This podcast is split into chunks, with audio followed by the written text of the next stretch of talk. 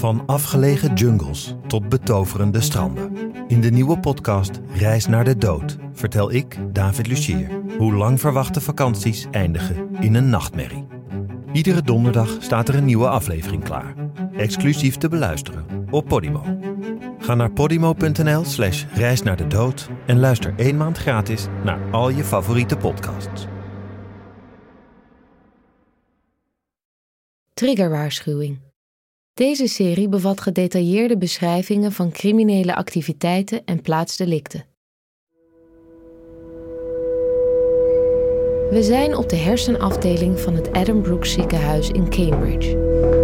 Op de begane grond is het druk, met opgewekte stemmen van bezoekers, mededelingen die worden gedaan via de luidsprekers en medewerkers die rondlopen met karretjes. Maar hier in de kelder, ver onder de grond, is het stil.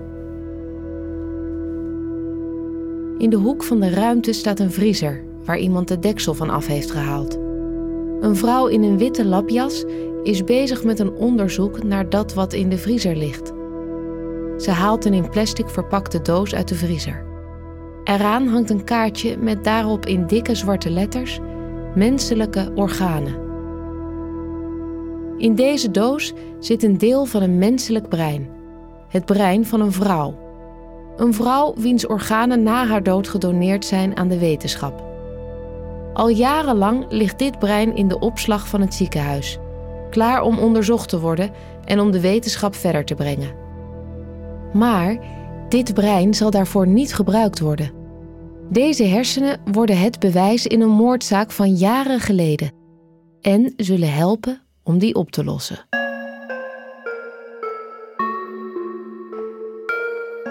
Mijn naam is Sanne Langelaar.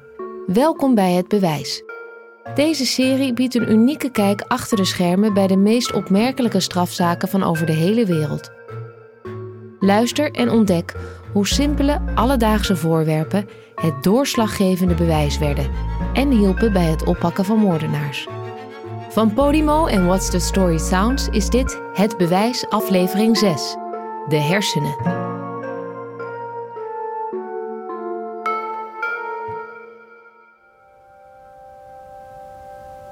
De dag dat Diane Stewart sterft, op 25 juni 2010, is het een prachtige dag in Engeland. Het lijkt misschien uniek in dit regenachtige land, maar op deze vrijdag schijnt de zon. In Bassingbourn, een klein stadje in het zuiden, is het 26 graden. De vogels zingen, de lucht is warm en de zomer lijkt bijna te beginnen.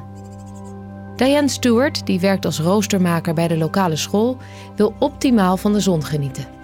Ze geeft haar prachtige bloemen water. Bij Diane in de tuin doen de planten het altijd goed. Ze heeft groene vingers, tot jaloezie van haar buurvrouw Vanessa.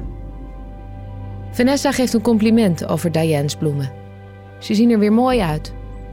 De vrouwen wonen al bijna 30 jaar tegenover elkaar. Net zoals iedere dag maken ze even een praatje. Snel en luchtig bespreken ze alles wat hen opvalt in de buurt. Diane is 47 jaar oud en eigenlijk maakt ze altijd wel een praatje met iemand. Ze is vrolijk en sociaal en heeft veel vrienden in deze buurt waar ze al jaren woont. Samen met haar familie past ze helemaal in de hechte gemeenschap van Bassingbourn. Diane woont samen met haar twee zoons en man Ian. Oliver is 15 en Jamie is 18 en ze gaan allebei naar de middelbare school in de buurt. Hun vader Ian Stewart is een graag geziene gast in het stadje. Volgens buurvrouw Vanessa zijn de Stewarts het perfecte, gelukkige gezin. En deze zonnige dag is een dag zoals iedere andere voor deze familie. Totdat alles verandert. Ian, 47 jaar oud, rijdt terug naar huis nadat hij net naar de winkel is geweest.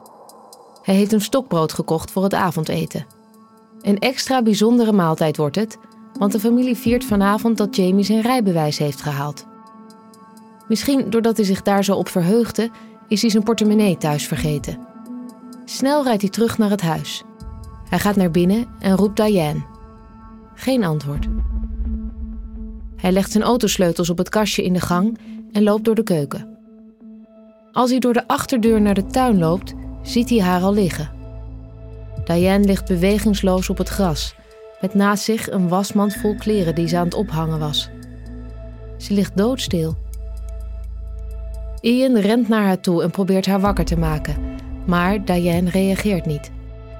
Met trillende handen haalt Ian zijn telefoon uit zijn broekzak en belt het alarmnummer.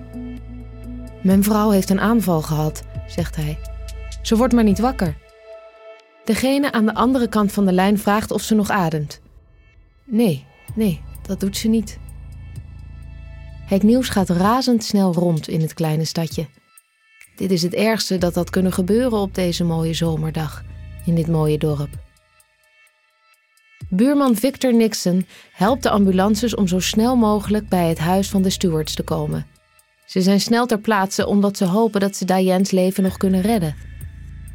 Als Victor aan het einde van de dag de pers toespreekt, herinnert hij zich het moment dat een van de ambulancebroeders zijn duim omlaag doet en zijn hoofd schudt. Daarna stoppen ze met het reanimeren van Diane. Op het moment dat de ambulance naar het huis van de steward rijdt, komt ook Vanessa thuis. Ze is verpleegkundige in het nabijgelegen ziekenhuis en ziet haar dode buurvrouw liggen. Later vertelt ze aan de pers dat het haar opviel dat er weinig bloed bij Diane lag en dat ze er perfect uitzag, zelfs zo levenloos in het gras. Oliver en Jamie komen thuis terwijl ze ambulances en politiewagens af en aan zien rijden bij hun huis. Ze zien hun moeder in het gras liggen en hun vader die huilend naast haar staat. Terwijl buren zich over de jongens ontfermen, komen de ambulancebroeders tot de ergste conclusie. Diane is dood. Wat is er gebeurd dat deze prachtige dag zo gruwelijk kan eindigen? Na een uitgebreid onderzoek blijkt een jaar later dat Diane zo plotseling is overleden door een epileptische aanval. Buurvrouw Vanessa schrikt daarvan. Ja, ze weet dat Diane in het verleden epileptische aanvallen heeft gehad. Maar sinds ze haar kende was dit nooit meer gebeurd. In Groot-Brittannië sterven jaarlijks ongeveer 500 mensen aan epilepsie. Maar Diane had al zeker 18 jaar geen aanval gehad. Hoe kon dit dan opeens gebeuren uit het niets? Niemand wist wat er in de tuin was dat haar aanval triggerde. Hoe kon Diane opeens sterven? In de weken na Diane's dood let de buurt goed op Ian. Hij is zichtbaar verdrietig en in rouw, maar lijkt ook standvastig. Hij moet doorgaan voor Oliver en Jamie. Zij zijn immers hun moeder verloren. De uitvaart wordt gehouden in de plaatselijke kerk en wordt geleid door priester Donald McFadden.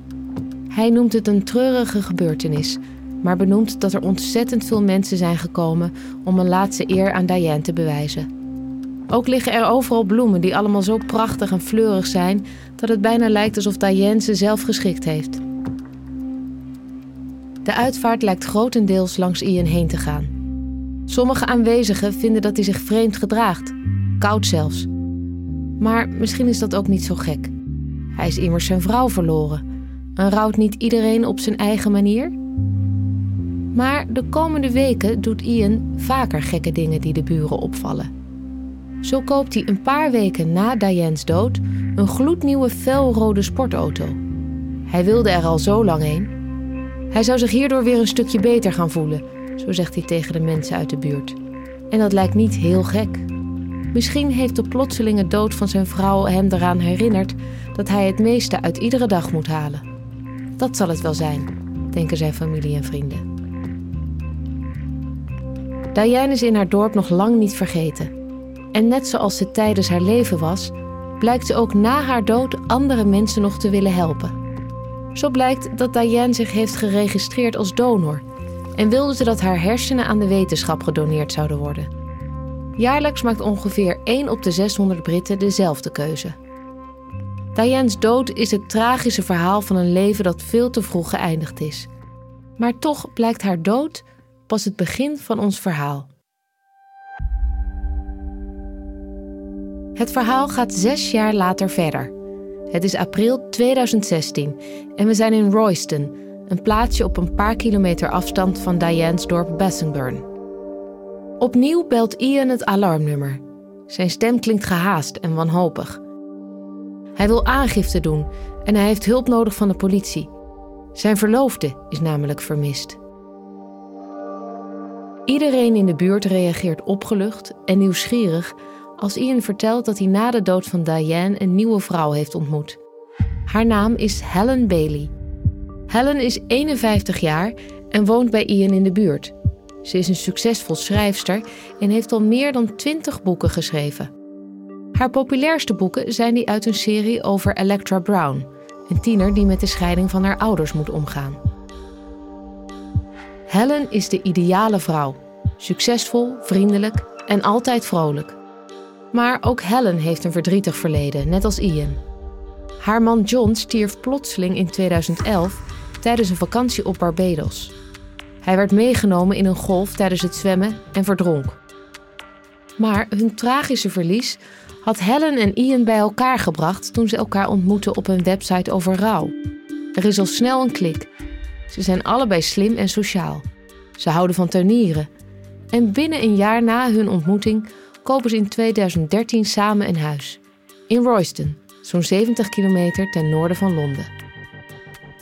Ian en Helen willen gaan trouwen en zijn al volop bezig met de planning van hun droomdag. Helen is erg gestructureerd en heeft al haar advocaat gebeld om een testament op te stellen. Ze wil ervoor zorgen dat haar verloofde na haar dood haar geld erft, zodat hij zich over financiën geen zorgen hoeft te maken. Dat is helemaal geen gekke gedachte bij het organiseren van een bruiloft. En al helemaal niet als je Helen's en Ian's verleden bekijkt. Ze weten namelijk allebei dat iemands leven plotseling kan eindigen. In februari 2016 merkt Helen dat ze last heeft van slaapproblemen. Ze heeft het er veel met vrienden over. Ze voelt zich constant moe, maar ze komt er niet achter wat het kan zijn. Spanning, stress, misschien zelfs een medische oorzaak.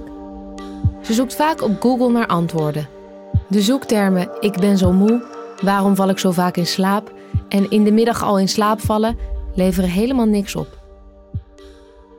In plaats van de hulp van een dokter te zoeken, vraagt Helen haar verloofde om advies. Hij heeft vaker last van slaapproblemen. Een slaapmiddel dat hij vaak gebruikt is Zopiclon en Ian zweert erbij. Maar hoewel haar slaapproblemen irritant waren, lijkt het onwaarschijnlijk dat Helen daarom zou verdwijnen, of erger. Als Ian op 15 april 2016 zijn vrouw officieel als vermist opgeeft, geeft hij toe dat hij geen idee heeft waar ze gebleven is. De enige aanwijzingen die hij heeft zijn dat ze haar hondje Boris mee heeft genomen en dat er een briefje is. Op het afscheidsbriefje staat een onheilspellend bericht. Ik heb tijd voor mezelf nodig. Net als zes jaar geleden, toen Diane overleed, ontfermen vrienden en familie zich over Ian. Vrienden van het stel zetten een grootschalige zoekactie op en iedereen helpt mee om Helen te vinden. Ian maakt flyers om op te hangen in de buurt en ook zoeken buurtgenoten in groepjes naar haar. Het lokale nieuws staat vol met artikelen en foto's van Helen. Ze is namelijk een van de beroemdste inwoners van Royston. De politie volgt alle stappen die ze altijd nemen in een vermissingszaak. Ze zoeken ieder mogelijk lijntje uit dat zou kunnen leiden naar het vinden van Helen. Ze ondervragen haar vrienden en familie en gaan zelfs langs bij mensen die Helen al jaren niet heeft gezien. Duidelijk geëmotioneerd wacht Ian op nieuws over zijn verloofde. Maar dagen worden weken en nog steeds heeft niemand Helen gezien of van haar gehoord. Niemand weet waar ze gebleven is.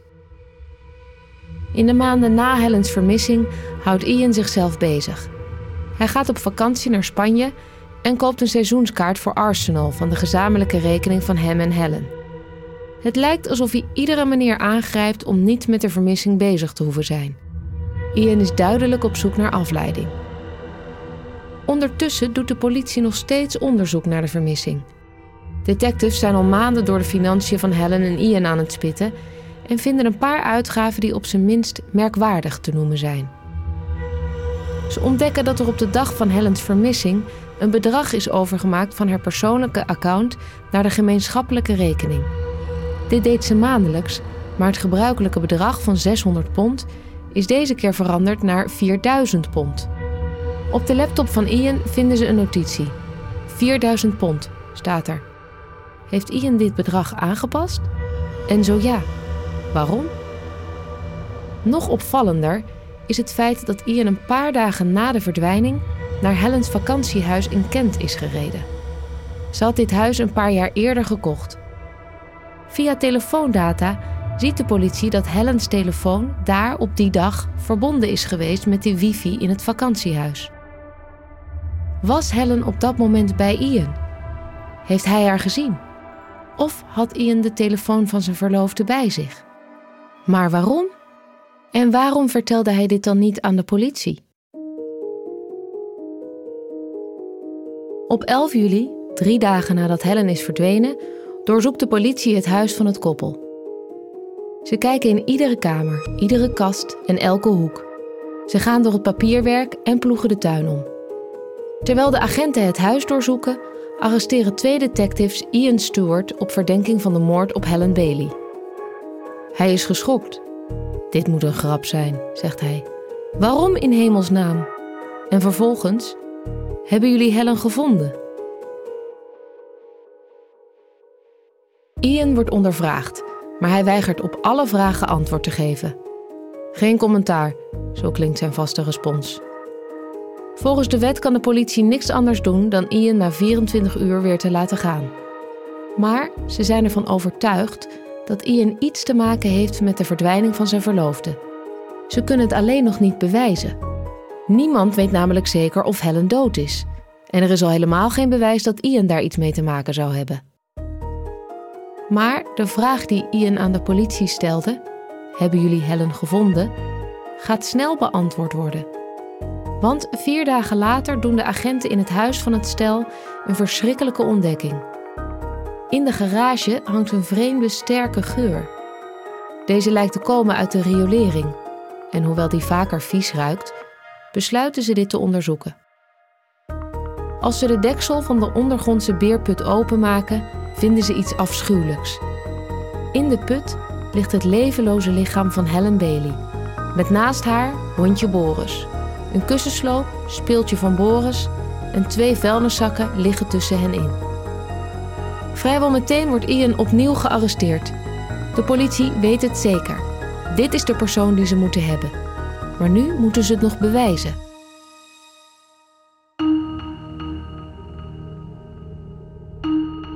Het duurt lang om Helens lichaam en dat van Boris uit de put te krijgen. Ze liggen er al drie maanden en hun lichamen zijn in verre staat van ontbinding. Maar door de vondst van hun lichamen kunnen forensische onderzoekers precies nagaan wat er met hen gebeurd is. Ze kunnen een tijdlijn maken die als een puzzel laat zien hoe Helen Bailey aan haar einde is gekomen. De theorie van de politie is dat op die bewuste dag, 11 april 2016, tussen 11 en half 3 Ian Helen heeft gedrogeerd met de door hem aangeraden slaappillen. Die waren immers volop in het huis aanwezig. Doordat Helen door de zopiklon erg wazig en moe was, kon Ian haar met haar kussen verstikken. Hij droeg haar lichaam naar de garage en gooide haar in de beerput. Boris volgde snel daarna. Een autopsie volgt en daaruit komt een luguber detail naar boven. In het onderzoek van Helens longen kon niet met zekerheid gesteld worden dat Helen al dood was toen ze in de put terechtkwam.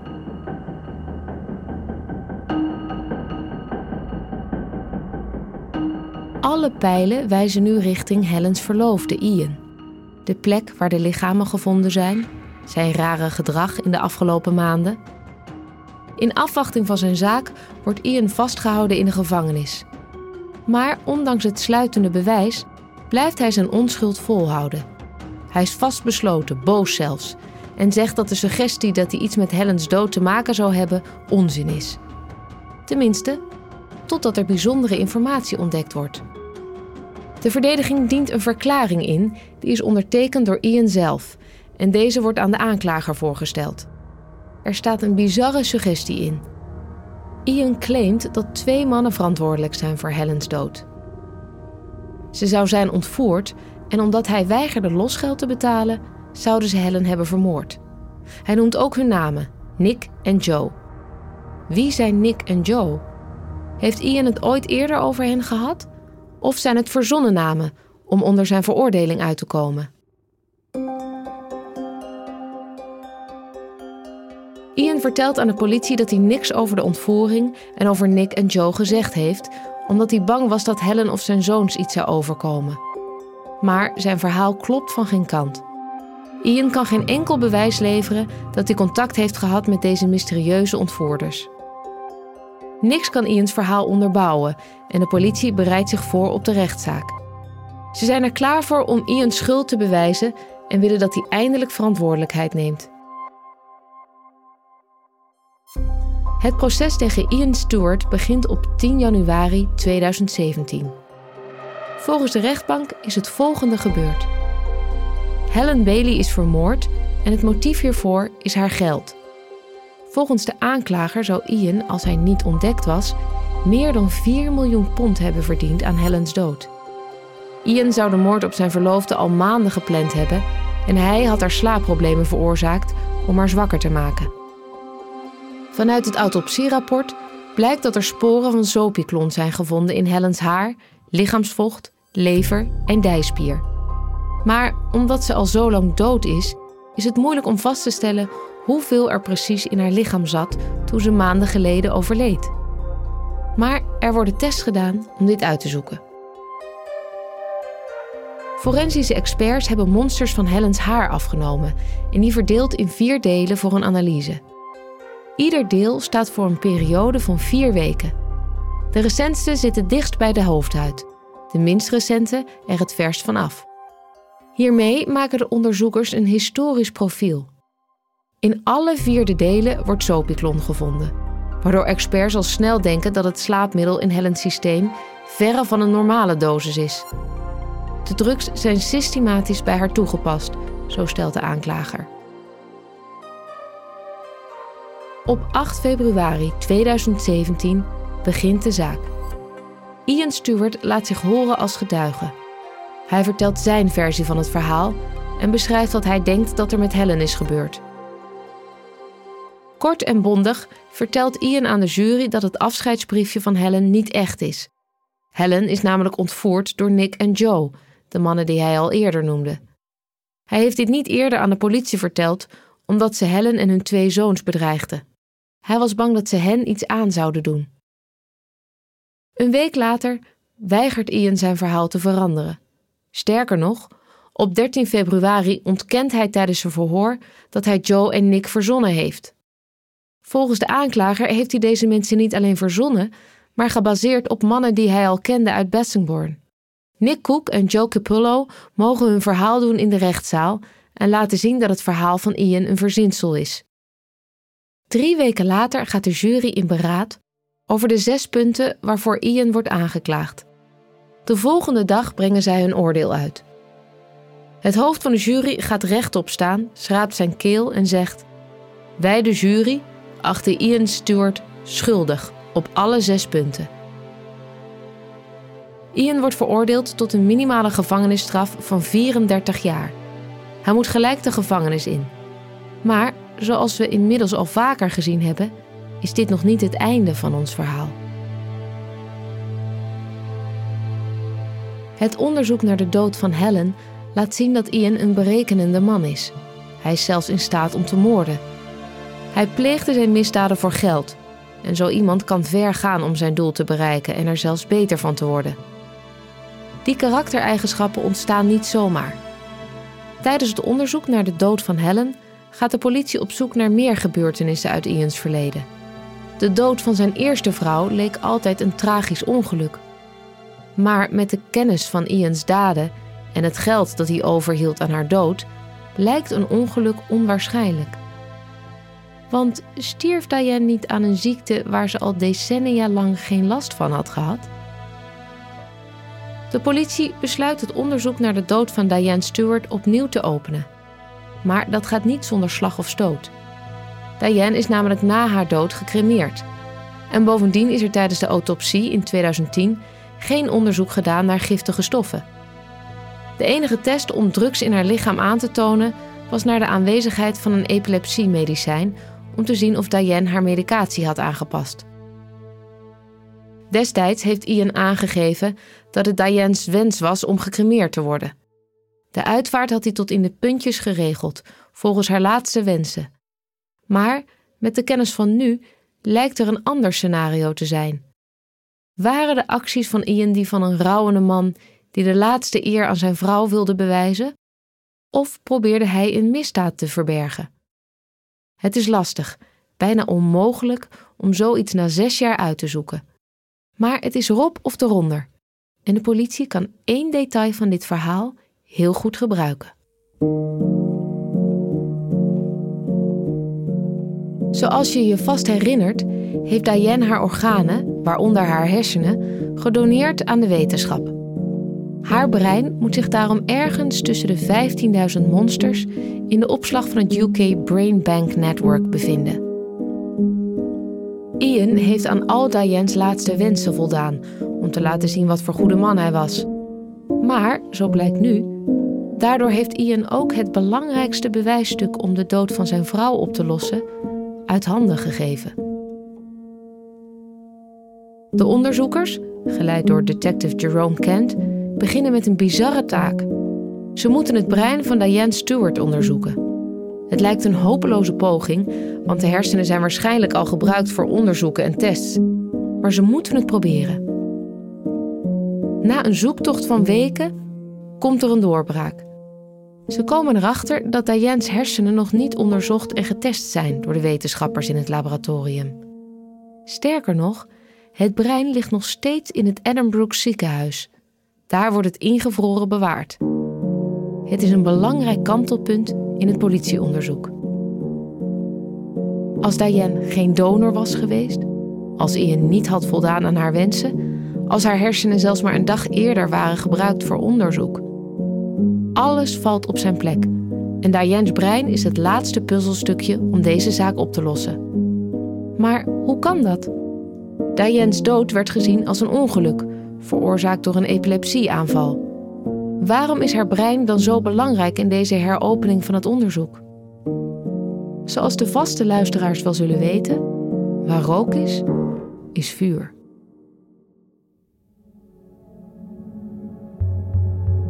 Vingerafdrukken, schoenzelanalyses en bloedspetters zijn de standaard onderzoeksonderwerpen van de forensische wetenschap. Het onderzoeken van hersenweefsel is een heel ander verhaal en valt zeker niet onder een standaardmoordonderzoek.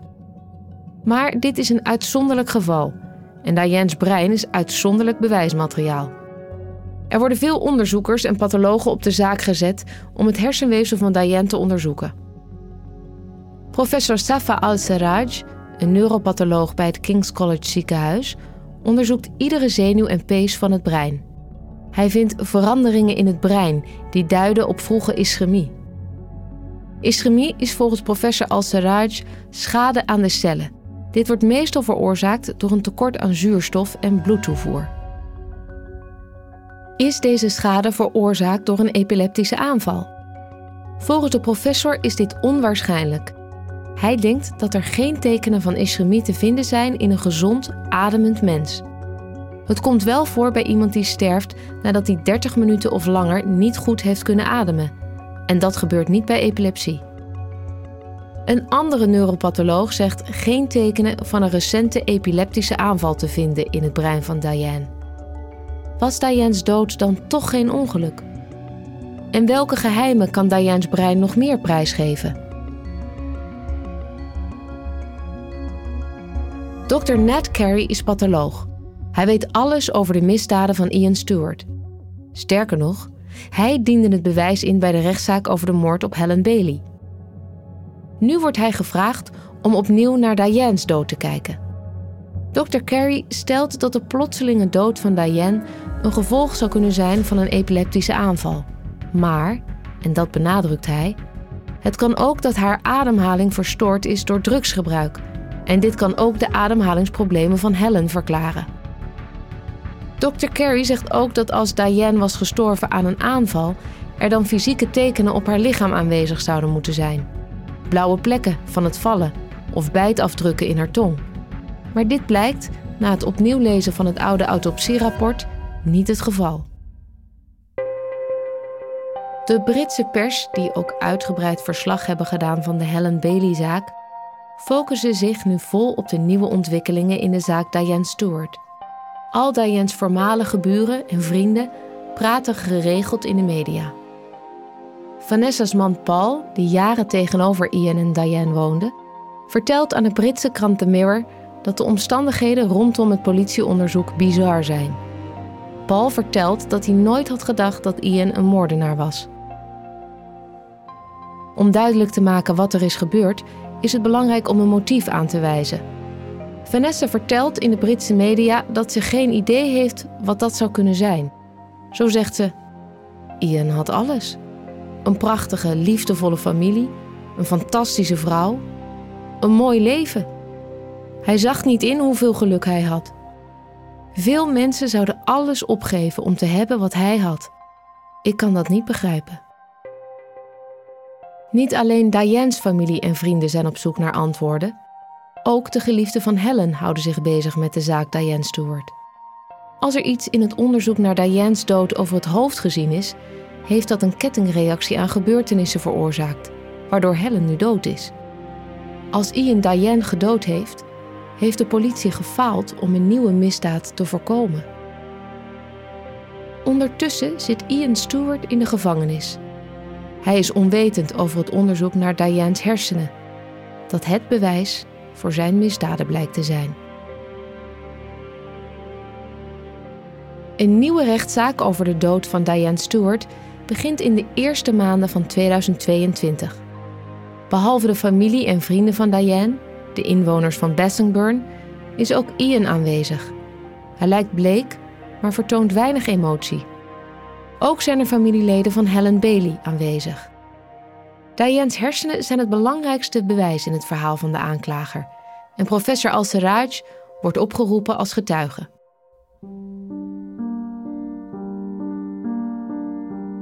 Ten tijde van de rechtszaak heeft professor Al-Serraj al aan meer dan 100 strafzaken per jaar gewerkt. Maar de zaak van Diane is een hele bijzondere. Het is bijzonder dat iemands brein gebruikt wordt als bewijs in een rechtszaak. En al helemaal zo lang na iemands dood. De professor stelt dat er in Diane's brein schade te zien is die waarschijnlijk een uur tot 35 minuten voor haar dood heeft plaatsgevonden. Daardoor lijkt het in niets op een epileptische aanval. Een aanval zorgt voor veranderingen in het hartritme en daardoor is de dood veel plotselinger en duurt zeker geen half uur. Het proces duurt drie weken en er wordt aan de jury verteld dat er verder geen tekenen van epilepsie te zien zijn. Geen bijtwonden op de tong en geen aanspanningen van de spieren, zelfs geen blauwe plek van het omvallen. Volgens de experts is de kans dat een epileptische aanval Diane fataal is geworden 1 op 100.000. Ook laat de aanklager verschillende motieven zien die Ian zou kunnen hebben voor het vermoorden van zijn vrouw. Na Diane's dood heeft Ian ongeveer 100.000 pond gekregen, waaronder een levensverzekering van bijna 30.000 pond. De rest kwam van bankrekeningen. Hiervan heeft hij ook onder andere de rode sportauto gekocht. Ian Stewart wordt schuldig bevonden aan de moord op zijn eerste vrouw Diane. Het kost de jury maar twee dagen om tot dit oordeel te komen. De rechter geeft een duidelijke samenvatting van de zaak. Hij zegt: Nu we weten dat u uw vrouw vermoord heeft, is het hartverscheurend om naar uw telefoontje met de alarmdienst te luisteren. Dit was allemaal voor opgezet spel. Diane was al dood en u had haar vermoord. De rechter gaat verder en zegt dat Ian, naar alle waarschijnlijkheid, zijn vrouw vermoord heeft op een manier waarop ze geen kans had om terug te vechten. Waarschijnlijk door haar in een houtgreep te houden tot ze buiten bewustzijn was. Of door een plastic zak van achterom haar hoofd te doen.